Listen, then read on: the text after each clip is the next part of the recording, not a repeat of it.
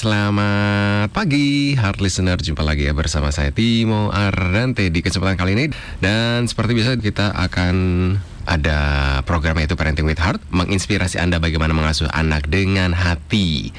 Yang pasti kita akan membahas putar permasalahan keluarga Dan khususnya dalam hal mengasuh atau mendidik anak. Mulai dari latar belakang kenapa hal itu bisa terjadi Kemudian penyebabnya apa, dampak terhadap keluarga seperti apa atau seperti anak juga seperti apa serta pencegahannya bagaimana nanti kita akan bahas tuntas di program Parenting with Heart dan di Parenting with Heart Heartland bekerja sama dengan tim dari Yayasan Busur Mas sebuah yayasan bergerak di bidang training, coaching, dan counseling. Jadi bagi Anda yang membutuhkan tiga hal tersebut bisa langsung menghubungi Yayasan Busur Mas. Selamat pagi Bu Eni. Selamat pagi. Iya. Apa kabarnya nih? Uh, baik. Uh, kali ini kita akan ngobrolin tentang apa sih Bu? Katanya tentang mengapa anak memberontak itu ya? Iya betul sekali. Ya seperti apa nih Bu?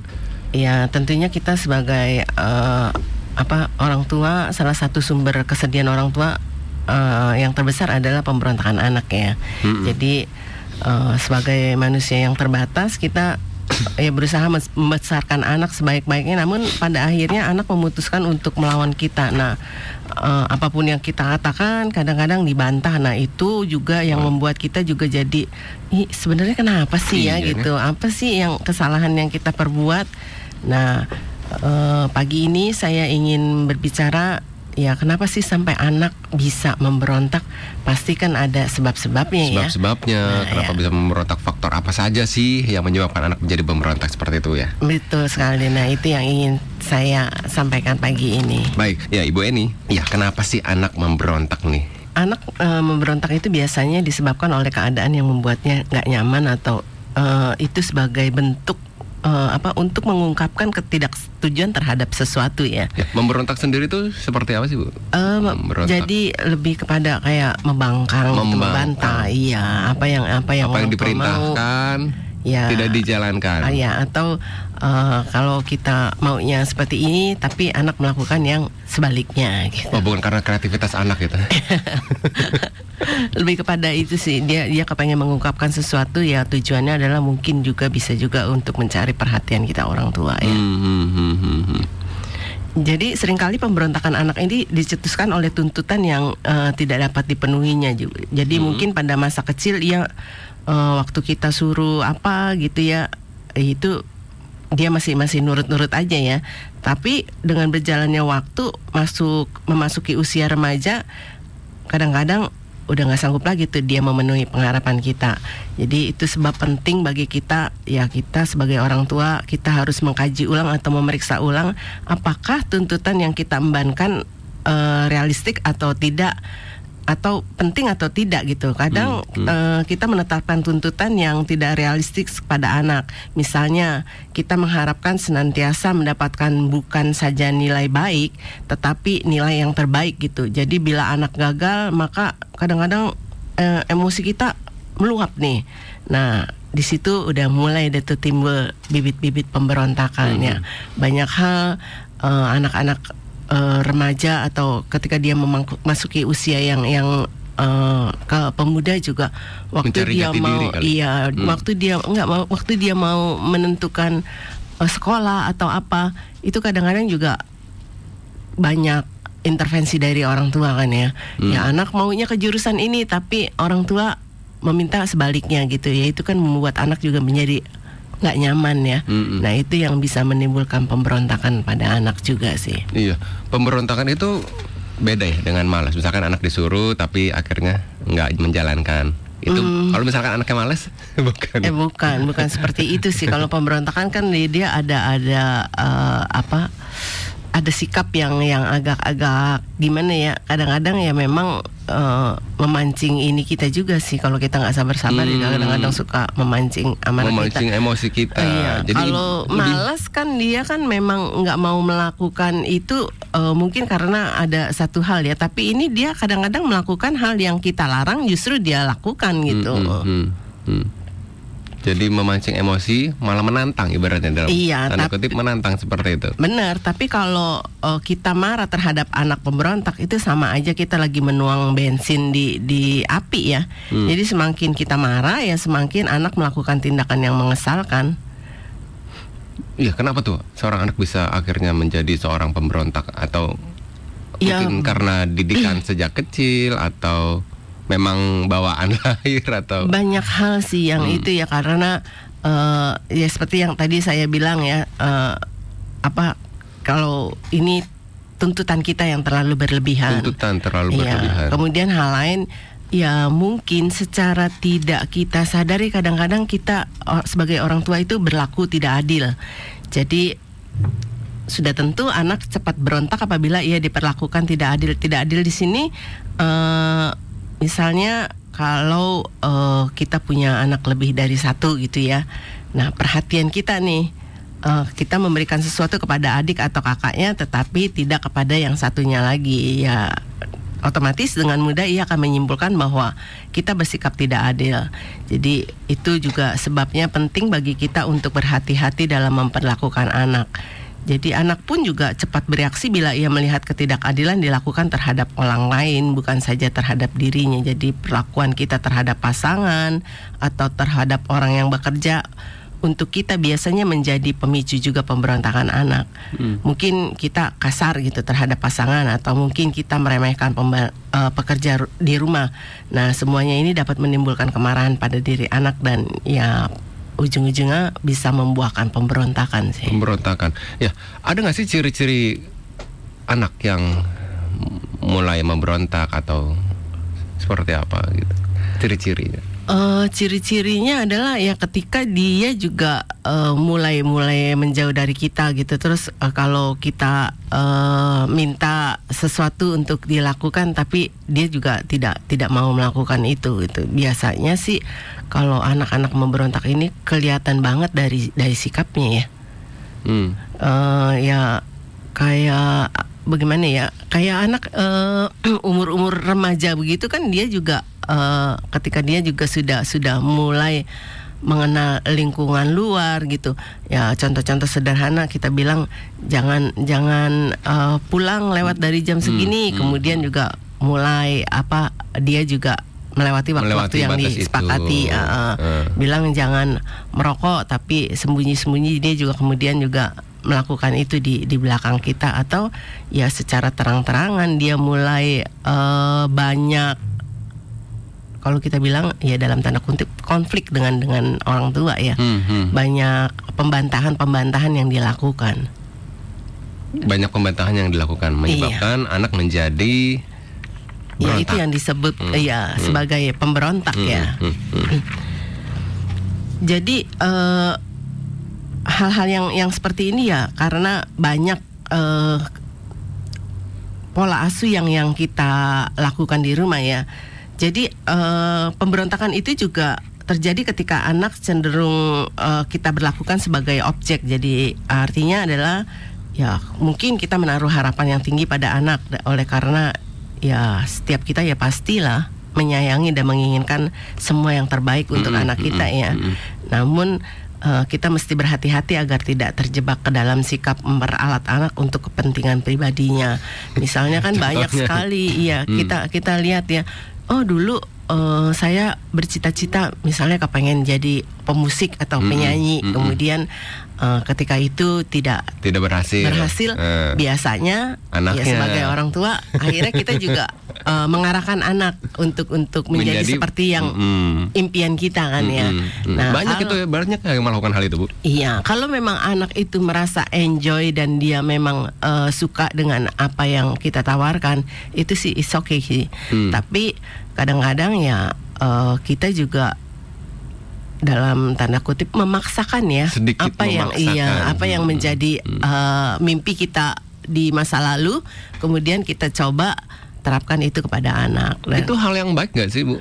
Sebenarnya sih Kan tujuan ibarat- iya, kita tujuannya pasti kan agar- baik, iya, ya. tujuannya pasti baik, Tapi biar anaknya kalau sukses. Hmm. misalnya itu mendatangkan ketidaknyamanan kepada anak, nah ini yang akhirnya juga membuat jadi eh, anak juga menjadi memberontak ya terhadap apa yang yang karena eh, dia melihat bahwa dia itu dijadikan objek semata untuk menyenangkan atau eh, mengundang pujian orang ke- eh, kepada orang tua. Jadi besar kemungkinan ia juga akan menjadi eh, memberontak. Hmm. Ya kalau tadinya ia mengira bahwa ia dikasihi, padahal ia hanyalah objek di tangan orang tua ya itu membuat anak juga menjadi uh, ya mengkomunikasi mengkomunikasikan pesan bahwa uh, mulai saat ini ia menolak untuk menjadi alat untuk kepentingan kita. Nah, sebagai objek dari orang tua, terkadang orang tua juga nggak tidak sadar bahwa ternyata anaknya sebagai objek. Nah, iya. itu untuk menyadarkan orang tua bahwa, aduh, ternyata saya salah tuh seperti apa sih bu? Benar kalau kalau misalnya kita lihat kan kegiatan anak-anak itu kan uh, anak-anak kayak usia-usia ada usia usia anak itu kan dia dalam tahap bermain dalam hmm. hal uh, berrelasi dengan teman-teman ya. Ke periode umur ada beda-bedanya. Iya. Nah hmm. kalau kita ya mungkin kalau orang tua yang memang uh, punya kecukupan di dalam hal materi dan kemudian pulang sekolah anak ambil les ini, les itu, kayak seharian itu, tuh. Memang itu bagus, tapi tapi kan kalau anak sendiri nggak nggak enjoy melakukan itu, itu kan hmm, kan menjadi hmm, dia hmm. juga men, kayak kita menjadi tersiksa ya. Nah, tahunya kita sebagai orang tahunya bahwa si anak itu enjoy atau tidak dari Uh, kita bisa dari, sih lihat dari hmm. dari sikapnya takutnya dia. Takutnya kan kita dia, pikir orang tua, ah dia mah males aja gitu, makanya sedikit kita dorong, sedikit kita paksa seperti itu. Iya kadang kalau kalau misalnya kita lihat juga uh, sebagai orang tua pasti kita tahu lah ini anak bakat atau enggak misalnya di bidang hmm. musik atau hmm. uh, kalau anak-anak perempuan biasanya entah itu balet atau apa hmm. gitu ya kita lihat bahwa anak ini memang enggak bakat ke situ tapi kita memaksakan untuk untuk dia hmm. terus uh, melakukan kegiatan-kegiatan hmm. itu nanti ambil uh, kumon lah, ambil uh, les piano, mm -mm. les Inggris dan sebagainya. Dia Tapi kan anak juga iya butuh dia waktu untuk bermain ya. Mm -hmm. Waktunya tuh kalau kalau saya lihat anak-anak sekarang itu dari pagi sampai uh, menjelang tidur uh, sore tuh. Uh kayaknya kegiatannya full udah nggak ada bedanya dengan kita yang bekerja ya hmm. kayak full banget gitu untuk kegiatan dia full ini juga uh, uh, dan hmm. apalagi kalau kita lihat juga anak-anak uh, yang dengan mungkin memang dia mempunyai talenta lebih kemudian juga diekspos sama orang tuanya untuk ya ikut apa ikut lomba, lomba ini lomba idol itu. ini.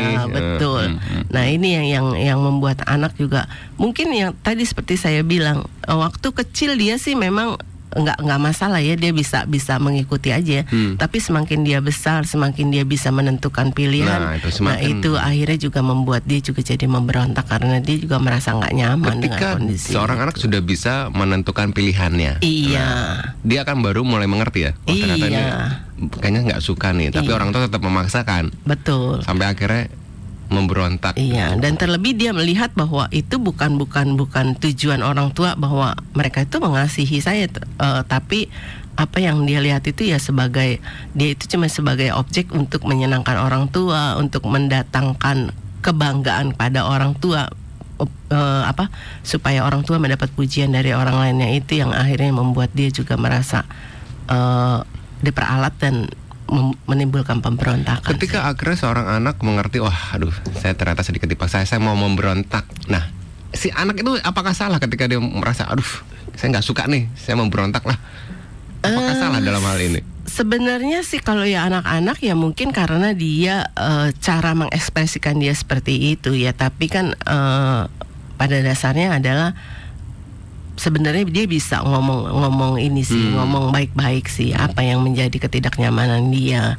Tapi kadang-kadang ya kembali lagi kita kadang sebagai orang tua itu bersikap otoriter. iya, itu yang yang akhirnya membuat repot sih. Atau kan anak ketika menolak halus gimana, udah mau berontak aja lah. Iya.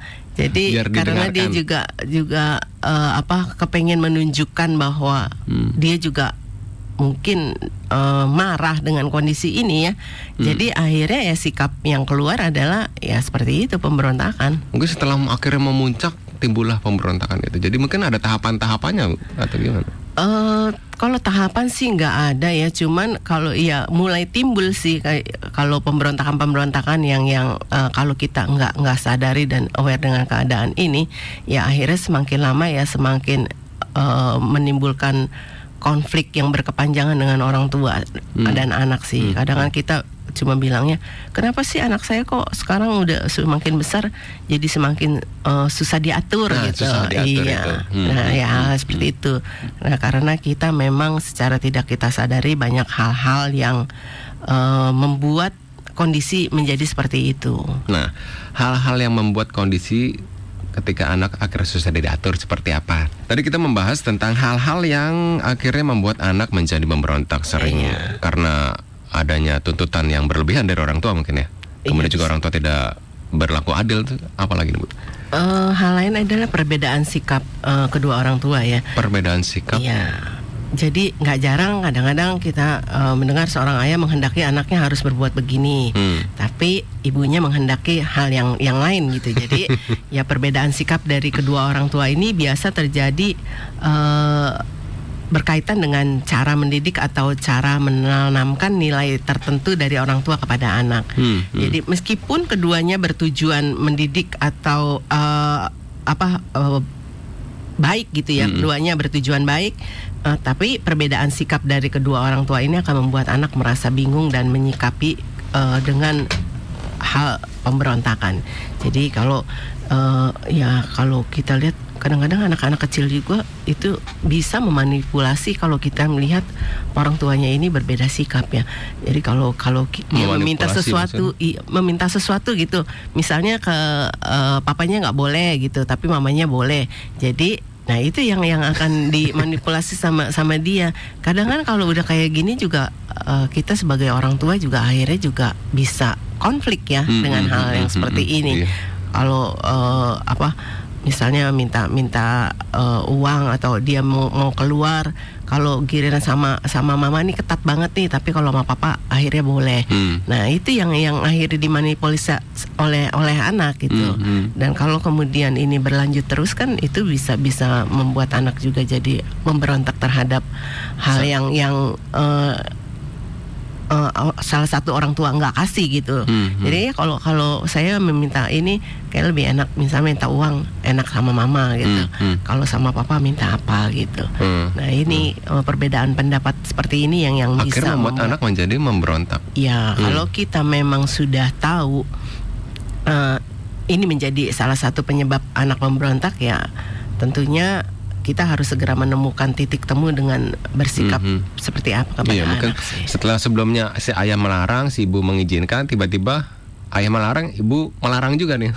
Uh, Anaknya jadi uh, ya itu harus harus diskusikan berdua dan sepakat gitu ya untuk untuk keduanya juga hmm. uh, mempunyai satu-satu titik temu untuk ya kalau memang itu ya dua-duanya juga harus atau kita uh, berdiskusi kalau untuk keputusan ini Nah, kamu tanya sama mama atau oh, sama sama papa hmm, itu hmm, dan uh, dua-duanya juga harus sepakat jangan kemudian juga yang satu longgar yang satu hmm. kemudian ketat gitu. Itu yang membuat anak juga menjadi Jadi, bingung. Orang tuh juga harus sudah punya peraturan peraturan mereka dari mereka sendiri gitu ya. iya. ya. Ketika keputusan ini memang harus diputuskan oleh ayahnya, keputusan ini diputuskan oleh ibunya iya, pun tidak apa-apa, disepakati. Ah, hmm. Hmm. Ya, hal lainnya uh, kalau dia juga kemudian melihat hubungan uh, kita sebagai suami istri enggak harmonis, ya ini juga uh, pada dasarnya kan anak membutuhkan tempat yang uh, teduh untuk bertumbuh secara sehat ya. Jadi pertengkaran orang tua itu membuat anak resah dan akhirnya menimbul menimbun kemarahan dalam diri anak. Iya. Mungkin iya. perceraian orang tua juga bisa menjadi pemicu kah? Bisa, hmm, hmm. bisa ya Ya karena pemberontakan ini juga pada dasarnya adalah luapan keresahan dan kemarahan dalam diri anak. Jadi pemberontakan uh, merupakan seruan anak kepada kita untuk aduh jangan jangan bertengkar lagi gitu. Dia, dia juga mungkin nggak nyaman juga melihat kondisi itu ya. Hmm. Jadi hubungan orang tua yang tidak harmonis sesungguhnya menciptakan uh, orang bilang jiwa anak menjadi terbelah nih jiwa anak keterbelahan jiwa terbelah. anak iya jadi uh, ya nantinya juga ujung-ujungnya berdampak pada pertumbuhannya dia sih hmm. jadi salah satu dampak yang mungkin dialaminya adalah ia sulit uh, memandang hidup ini secara utuh karena dilihat kok di rumah kayaknya nggak ada sejahteranya nih hmm. gitu. Hmm. Ya udah saya di luar aja lah, oh, main iya. aja lah, menghabiskan waktunya iya. daripada di rumah seperti ini kan. Benar. Hmm. Jadi uh, dia bereaksi seperti itu ya untuk kembali lagi mungkin itu sebagai teriakan dia untuk mencari perhatian dari kita sebagai orang tua ya. Hmm, hmm. Ya, kalau tips-tipsnya sendiri Bu, ketika akhirnya terjadi sudah terjadi nih Mm -mm. anaknya mulai memberontak, Mm -mm. seperti apa? Ada Ya, nggak sih? Banyak hal sih ya. eh, yang yang bisa kita lakukan untuk untuk eh, menyikapi ini. Jadi kalau anak eh, mulai eh, memberontak, kita mulai nih eh, melihat apa sih yang positif dari anak eh, kita. Biasanya kan salah satu eh, unsur pemberontakan anak ketika dia mendapat banyak kritikan ya kayaknya melakukan apa pun juga kayaknya dia salah. eh, eh.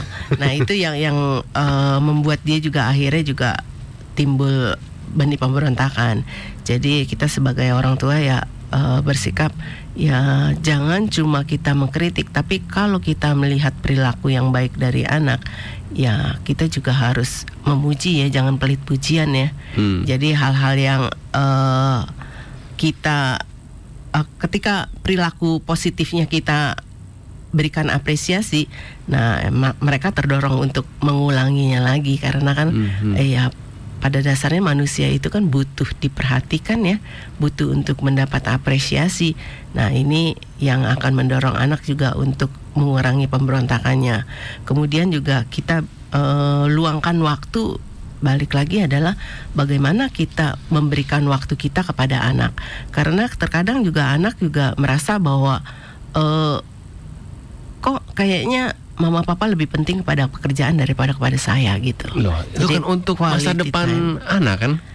Orang tua Memang, mencari karena nafkah itu, itu, untuk masa depan eh, anak. apa eh, dalam pikiran kita adalah seperti Hmm, itu. hmm, hmm, Tapi eh, anak merasa bahwa kayaknya kok eh, mereka lebih menghargai eh, waktu dia di luar rumah, waktu dia dengan pekerjaan daripada dengan dengan mereka gitu. Mungkin itu Merasa kering gitu untuk untuk eh, kasih sayangnya. Eh, eh. Ya. Ketika akhirnya orang tua memang dituntut dalam pekerjaannya untuk lebih banyak waktu di kantor itu gimana? Eh, ini bukan bukan bicara masalah eh, kemudian berapa banyak waktu yang yang orang tua akan sediakan untuk anak ya, tapi kepada eh, quality time bersama anak.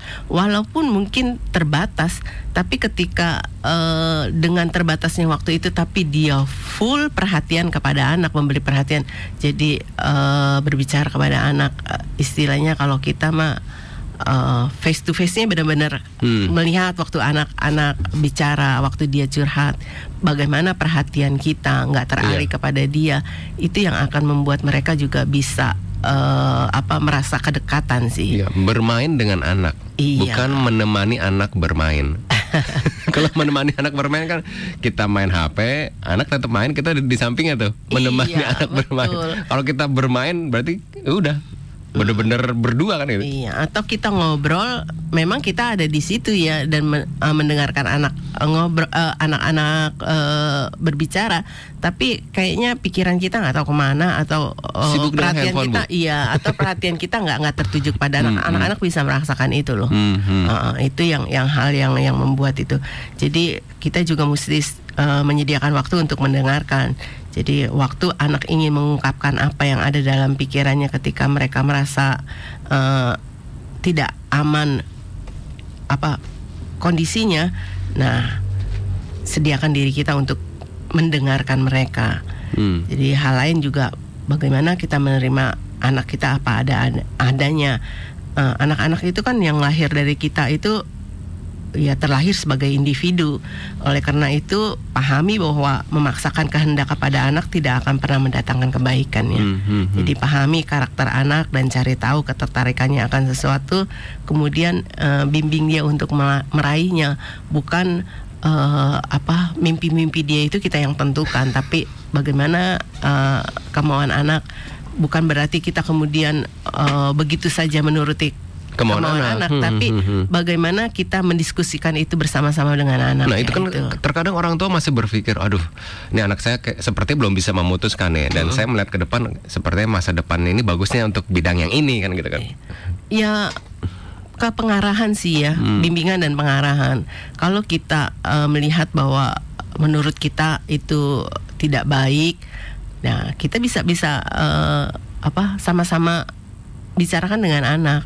Menurut mama seperti ini dan eh, kita juga mendengarkan apa yang menjadi eh, apa keinginan dia kenapa dia kepengen kepengen eh, hal yang itu gitu. Hmm. Kemudian ya sama-sama diskusikan lah hmm. baik buruknya. Dan kalau akhirnya ketika setelah diskusi ternyata anak tetap kekeh saja. Sebenarnya kalau memang kita membiasakan diri untuk komunikasi yang yang uh, aktif dengan anak dan benar-benar bisa saling terbuka, hal seperti itu bisa bisa ini sih bisa di disikapi sih. Walaupun kemudian uh, anak memang kekeh kepengen melakukan itu ya kita bisa bisa lakukan uji coba beberapa waktu. Mungkin dia juga kepengen tahu seperti apa gitu ya. Ya tugas kita mendampingi dan bukan kemudian kita mengkat begitu saja dan uh, mengatakan tidak boleh. Tapi ada alasan-alasan yang bisa bisa kita diskusikan bersama sih. Hmm, hmm. Jadi didiskusikan. Iya. Meskipun ada juga mungkin ada ada kasus misalkan kita kan tadi kita bilang ya kita lihat dulu ke depannya seperti apa nah. Uh -uh. Ada juga kasus yang uh, ingin menikah tuh terkadang ada ada ada kasus anak ingin menikah dengan si A tapi orang tuanya tidak mengizinkan akhir kan di, bisa dikatakan anak itu sedikit memberontak kan seperti itu. Iya. Kalau kita bisa kita biarkan kan terlanjur menikah nggak mungkin kan. Benar.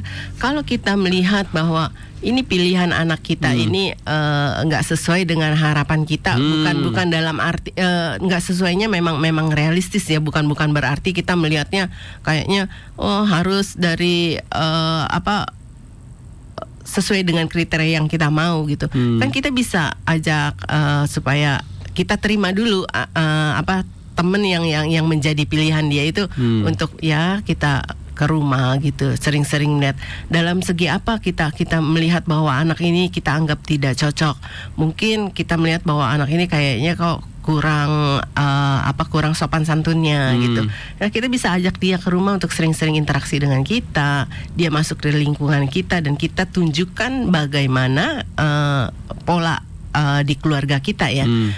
Kalau memang anak itu pada dasarnya memang dia merasa nggak enjoy dengan itu uh, tanpa kita larang-larang pun juga akhirnya dia juga akan orang bilang menggerah sendiri kok.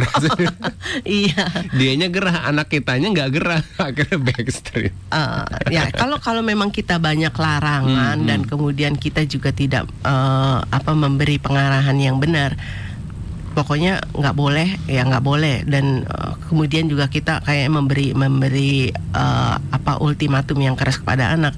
Ya ujung-ujungnya adalah anak kemudian juga uh, di belakang kita hmm. dia melakukan hal yang sebaliknya gitu. Tapi kalau kemudian kita biasakan untuk uh, saling terbuka, saling diskusi, akhirnya juga dia juga mau kok cerita hmm. untuk terbuka dengan hmm. kita.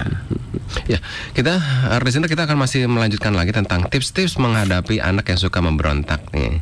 Ya, Ibu Eni. Iya. Tadi tips-tipsnya nih tentang anak memberontak tadi tentang udah ada beberapa yang kita sebutkan ya melewatkan yeah. quality time bersama anak kemudian sediakan waktu untuk mendengarkan apalagi nih uh, hal lain adalah uh, kita jangan terlalu memanjakan anak ya memang wajar sih ketika orang tua menyayangi anak tapi tidak tepat jika terlalu memanjakannya jadi memenuhi semua keinginan anak tanpa disadari akan berdampak berdampak tidak baik untuk masa depannya hmm. karena kalau anak-anak sudah terbiasa diteruti, tentu ia akan merasa kecewa ketika uh, suatu ketika tidak dituruti. Dia tidak. Uh, hmm, Jadi ya, kita mencoba uh, menghentikannya, kemarahan dan frustasi saat ti tidak dituruti ini dapat diekspresikan dengan paksaan lewat uh, segala cara yang tentu juga uh, pada uh, apa ujung-ujungnya akan membuat kita juga menjadi pusing ya hmm. seperti memaksa keras kepala dan marah-marah jadi memanjakan ini eh, nggak uh, ada hubungannya dengan uh, apa Kasih orang sayang. Ka, bukan hmm. orang yang mampu atau uh, tidak, mampu. tidak mampu ya hmm, hmm. Uh, tidak bicara mengenai kaya atau miskin ya karena kalau kalau manja kan bilangnya uh, kita cuma cuma melihatnya di dalam hal materi ya hmm, hmm. tapi sebenarnya meloloskan semua permintaan anak tanpa menimbang perlu tidaknya itu akan membuat kita juga nantinya akan kerepotan sendiri sih. Hmm, ke depannya seperti uh, nggak heran jika orang tua juga memaksakan diri atau uh, mengada-ngadakan sesuatu uh, pada akhirnya juga anak juga jadi akan uh, nanti kalau dia nggak mendapatkan itu juga akan timbul ya pemberontakan juga sih. Jadi dia juga jadi memaksakan. Kan uh, sering kita kita lihat juga atau kita uh, dengar berita belakangan ini oh anak minta minta HP sama mamanya kemudian juga tega membuat menganiaya orang tua atau seperti hal-hal yang seperti itu ya. Hmm, ya hmm. itu yang yang uh, kita cegah. Jadi uh, kita berlaku sewajarnya jangan-jangan terlalu memanjakan anak secara berlebihan sih. Jangan ter ya ternyata ketika memanjakan efek ke belakangnya itu berbahaya betul kalau kasus yang kemarin yang anak bunuh diri itu apa karena memanjakan atau karena orang tua memaksakan ketika bunuh diri yang di ada di Blitar ya? Karena iya. dipikir tidak mau masuk uh, tidak akan masuk bisa masuk ke SMA favorit. Uh -uh. itu Uh, itu banyak banyak faktor, banyak faktor sih ya. kita kita nggak bisa melihat di satu satu sisi ini karena hal, hal uh, uh, seperti ini gitu hmm. ya seperti yang tadi saya bilang tuntutan dari orang tua ketika uh, mengharapkan anak untuk posisi tertentu atau prestasi itu juga membuat anak juga ketika dia tidak bisa mencapai itu juga menjadi, menjadi anak juga uh, menjadi frustasi ya. Hmm, hmm. Ya, itu juga mem memicu anak juga akhirnya juga mungkin dia uh, ada perasaan malu atau merasa biasanya dia selalu nomor satu kemudian ketika itu juga uh, dia merasa bahwa dia gagal itu apa uh, rendah dia punya uh, daya juangnya ya hmm, itu hmm, juga hmm. membuat anak juga menjadi uh, bunuh diri juga bisa sih banyak faktor sih yang yang kita juga nggak bisa ini karena karena hal ini gitu hmm, ya, atau mungkin seorang anak juga bisa ketika akhirnya anak itu memberontak berarti dia memiliki daya dalam tanda kutip daya juang yang keras. Ketika anak akhirnya depresi mungkin tidak memiliki. Daya. Iya. uh, untuk untuk mencapai sesuatu mungkin dia dia uh, apa daya juangnya tinggi tapi di di saat lain ketika uh, dia mengalami kegagalan atau dia merasa bahwa dirinya gagal itu yang yang membuat dia juga menjadi kayak uh, malu mungkin dan merasa tertolak itu yang yang membuat anak juga akhirnya juga merasa ini sih uh, nggak berdaya sih mm-hmm. akhirnya dia melakukan hal-hal yang di luar pikiran. Di luar pikiran. iya nih, apalagi nih Bu, tips-tips menghadapi anak yang suka memberontak. ya, kita juga uh, ketika kita memberi teguran itu jangan uh, sebaiknya jangan di depan orang lain ya. Waktu anak melakukan kesalahan, ya memang kita uh, sebagai orang tua wajib untuk menegur dan mengingatkan mereka. Jadi uh, teguran-teguran kita ya sebaiknya kita ucapkan dengan kelembutan bukan dengan kemarahan. Jadi tutur kata kita juga ya membuat anak juga tidak merasa bahwa terintimidasi dan ya. Kadang-kadang kan kita kalau kalau udah marahnya memuncak ya sumpah serapah makian itu kadang keluar dengan begitu saja dan hal ini membuat anak terluka sih. Hmm, hmm. Dan kalau uh, itu juga akhirnya yang bisa membangkitkan amarah dan dendam dalam diri anak-anak kita. Hmm, hmm, hmm. Kemudian uh, sebagai orang tua juga ya seperti yang tadi sudah di, diungkapkan juga kita harus tegas dan konsisten ya. Jadi dalam hal membuat peraturan di dalam rumah peran orang peran orang tua ini uh, sangat dominan. Namun bukan berarti saran dan masukan dari anak-anak dikesampingkan ya. Jadi libatkan anak-anak juga dalam membuat peraturan dan ketika sebuah peraturan di dalam rumah tangga telah disepakati bersama, maka minta mereka uh, semua untuk konsisten melakukannya. Ya tentunya terutama kita sebagai orang tua ya jangan kita membuat peraturan tapi kita sendiri uh, kemudian melanggarnya contohnya waktu uh, seorang ayah nih melarang anak-anak untuk nggak nggak merokok ya sebaiknya kita juga mempertimbangkan untuk kita juga tidak berhenti merokok, merokok atau hmm. tidak merokok karena kalau uh, melihat kita uh, anak melihat kita sebagai sosok yang perlu dihormati, ditiru dan diteladani, tapi kita nggak memberikan teladan yang konsisten, maka ya anak-anak juga akan memiliki alasan yang kuat untuk tidak mematuhi kita ya. Hmm. Ya ngapain juga aku uh, harus nurut sama sama papa atau mama. Tapi saya lihat juga papa mama mama juga nggak melakukan hal yang sama. Kita membuat peraturan bahwa nggak boleh main main HP lebih dari dari uh, dua jam atau hmm, hmm, hal-hal hmm, yang seperti itu. Tapi dia dia tidak melihat uh, kita melakukan hal yang sama. Itu yang akhirnya juga membuat anak juga uh, bisa memberontak sih. Iya, saya punya sahabat jadi dia punya peraturan di rumah Anaknya kebetulan ada tiga lelaki semua tuh masih SD, SMP, SMA. Ketika sudah jam 9 katanya, HP harus dikumpulkan, uh. dikumpulkan ke orang tuanya. Iya. Jadi udah, jadi mereka bebas terserah mau nonton mau apa, yang penting HP dikumpulkan setelah jam 9 malam. uh, saya pernah mendengar uh, apa uh, salah satu dari kenalan saya juga dia karena anaknya sudah besar-besar ya. Jadi dia membuat peraturan pokoknya kalau lagi makan bersama atau keluar nggak boleh pegang uh, eh, HP nih hmm. Eh, nggak hmm. boleh pegang HP hmm. dan kalau misalnya salah satu melanggar yang pertama kali misalnya waktu mereka makan keluar ya yang pertama kali pegang HP itu ya dia yang harus bayar kalau anaknya udah pada kerja kalau anaknya masih sekolah tetap aja potong uang jajan Iya, di akhir sesi ini Bu, kira-kira kesimpulan dari pembicaraan kita nih apa nih Bu? uh, dalam dalam menghadapi ha anak mm -hmm. hal yang pertama yang kita kedepankan adalah ya tentu kesabaran ya kesabaran jangan, uh, jangan menggunakan emosi yang membawa dalam keadaan uh, marah karena si setiap orang pasti akan berbuat kesalahan jadi mm. tapi bukan berarti kemudian uh, kesalahan itu menjadi uh, satu satu hal yang yang uh, berkepanjangan diulang-ulang lagi pada saat maksud kita mungkin mengingatkan tapi itu yang yang kemudian di remind lagi kepada anak di remind lagi gitu. Ya pada padahal juga kadang-kadang juga kita sebagai orang tua nggak luput dari kesalahan ya. Jadi waktu kita juga uh, melakukan kesalahan dan diketahui anak-anak kan jangan malu juga untuk kita meminta maaf kepada mereka. Jadi dengan cara ini uh, kita sedang menunjukkan kepada mereka arti sebuah kebesaran hati. Jadi anak-anak akan menaruh hormat pada orang tua. Um, berikan juga kepada anak perhatian. Jangan menegurnya ketika melakukan kesalahan saja, tapi ya uh, berikan apresiasi juga ketika dia juga uh, melakukan satu hal-hal yang positif mm -hmm. dan nggak lupa juga ya doa orang tua itu penting buat anaknya.